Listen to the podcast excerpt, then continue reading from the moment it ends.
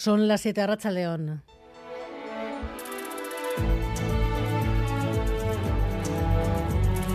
Gambara con Arancha García.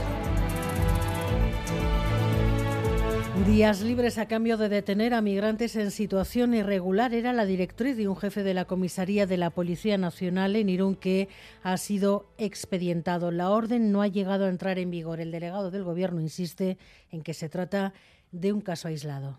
Y se le ha abierto eh, expediente disciplinario al jefe de la Brigada de Extranjería. Punto. Es decir, que yo siento mucho que se haya dado esta imagen porque no, no hace justicia con el proceder de la policía, que en ningún caso actúa de esta manera. Hemos comparado el número de detenciones en la comisaría de Irún con la de otras comisarías. ¿Qué resultados hemos conseguido? Xavier Madariaga. Los datos son llamativos en la comisaría de Irún, una de las más pequeñas que tiene la Policía Nacional Española y, sin embargo, una de las que más detenciones practica. Sus cifras de detenciones son comparables a las de las comisarías más grandes. Al margen de esta orden, que al final no se aplicará, los sindicatos denuncian una política basada en cifras que busca cuantos más detenidos, mejor. Tras meses de interpretaciones de la ley tras una reforma del texto, el Supremo fija la interpretación de la ley del solo sí es sí. Mantiene las revisiones a la baja. Los tribunales, por tanto, ya tienen la doctrina del Supremo y hay un criterio común para analizar los recursos que quedan pendientes. David Beramendi. Sí, el Tribunal Supremo marca camino, fija criterio común, un auténtico varapalo, un duro golpe para la Fiscalía y el Ministerio de Igualdad. Y es que avala las rebajas de penas adoptadas en aplicación del solo sí es sí. Rechaza el argumento de que no hay que reducir penas si estas están incluidas en la horquilla de la nueva norma.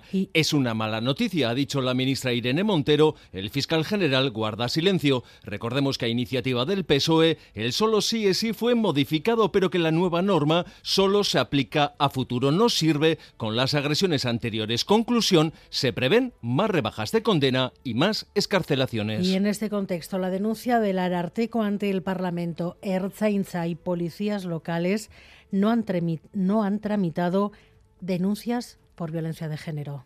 Hemos encontrado comportamientos, no solo en la, en también en algunas policías municipales, que dicen, bueno, bueno, pues, ¿está seguro que quiere poner la denuncia? Pues yo creo que no es una buena idea.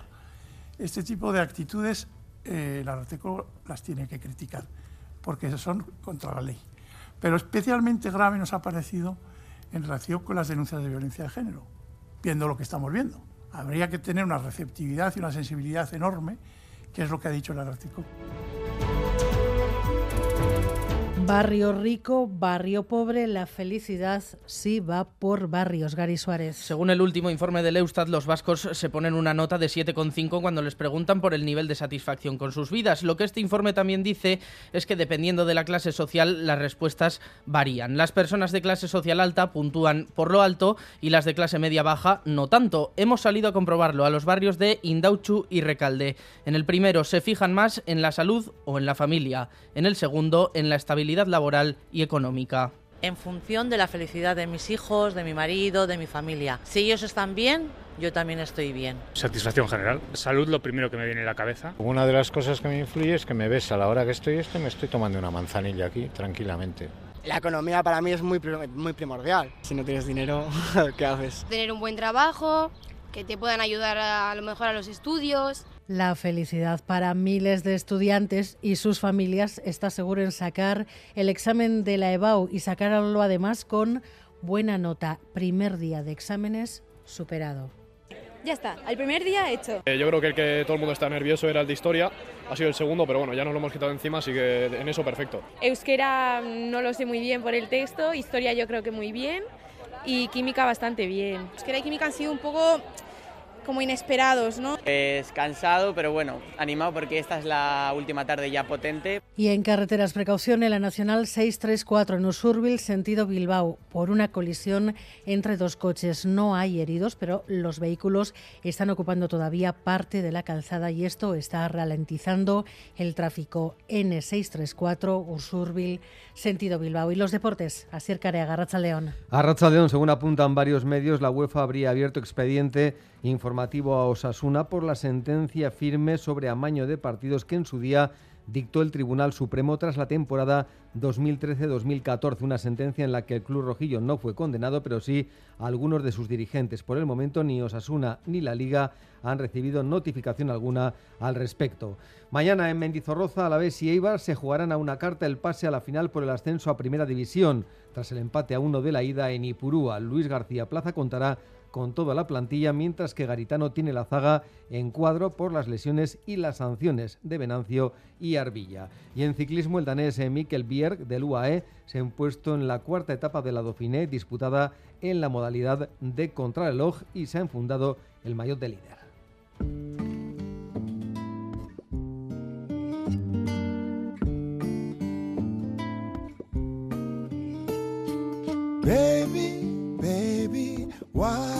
You travel?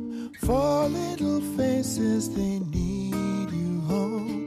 Laughing, crying. El cambio climático va a tener efectos muy importantes en París durante las próximas décadas. Según los expertos, podrían llegarse a vivir episodios con temperaturas superiores a los 50 grados a mediados de siglo. Y para hacerles frente, el Ayuntamiento de la capital francesa está tomando ya medidas. Todos los grupos políticos han aprobado un informe con 85 recomendaciones para tratar de reducir los efectos de las altas temperaturas. Si se cumplen las medidas, París será muy diferente a como la conocemos ahora. La Simón. A Rachaldeón, las grandes avenidas de asfalto y los famosos tejados de zinc forman parte del encanto de París, pero son elementos que la convierten en un horno que podría ser mortal. Bajo las pintorescas guardillas se alcanzan ya 70 grados algunos días de verano y solo pintando los tejados de blanco la temperatura bajaría 6 grados. Es uno de los ejemplos de la transformación que el informe París a 50 grados busca para la ciudad. Según una de las impulsoras del informe, la ecologista Chloe Sagaspe, el reto es convertir una ciudad radiador en una ciudad oasis y lo harán desasfaltando todo lo posible, aumentando las zonas verdes y subvencionando la renovación térmica de los edificios. Según un estudio de la prestigiosa revista The Lancet, París es el lugar de Europa donde más probabilidades hay de morir por calor. Medidas como ajustar los horarios laborales y de oferta cultural a las temperaturas o crear zonas de baño en los canales buscan proteger en especial a las personas mayores y a las personas que viven en la calle e impedir que París se convierta en una ciudad irrespirable. La histórica canícula que el verano de 2003 dejó 15.000 muertos en Francia podría ser lo normal para 2050 y París tiene solo 10 años para prepararse.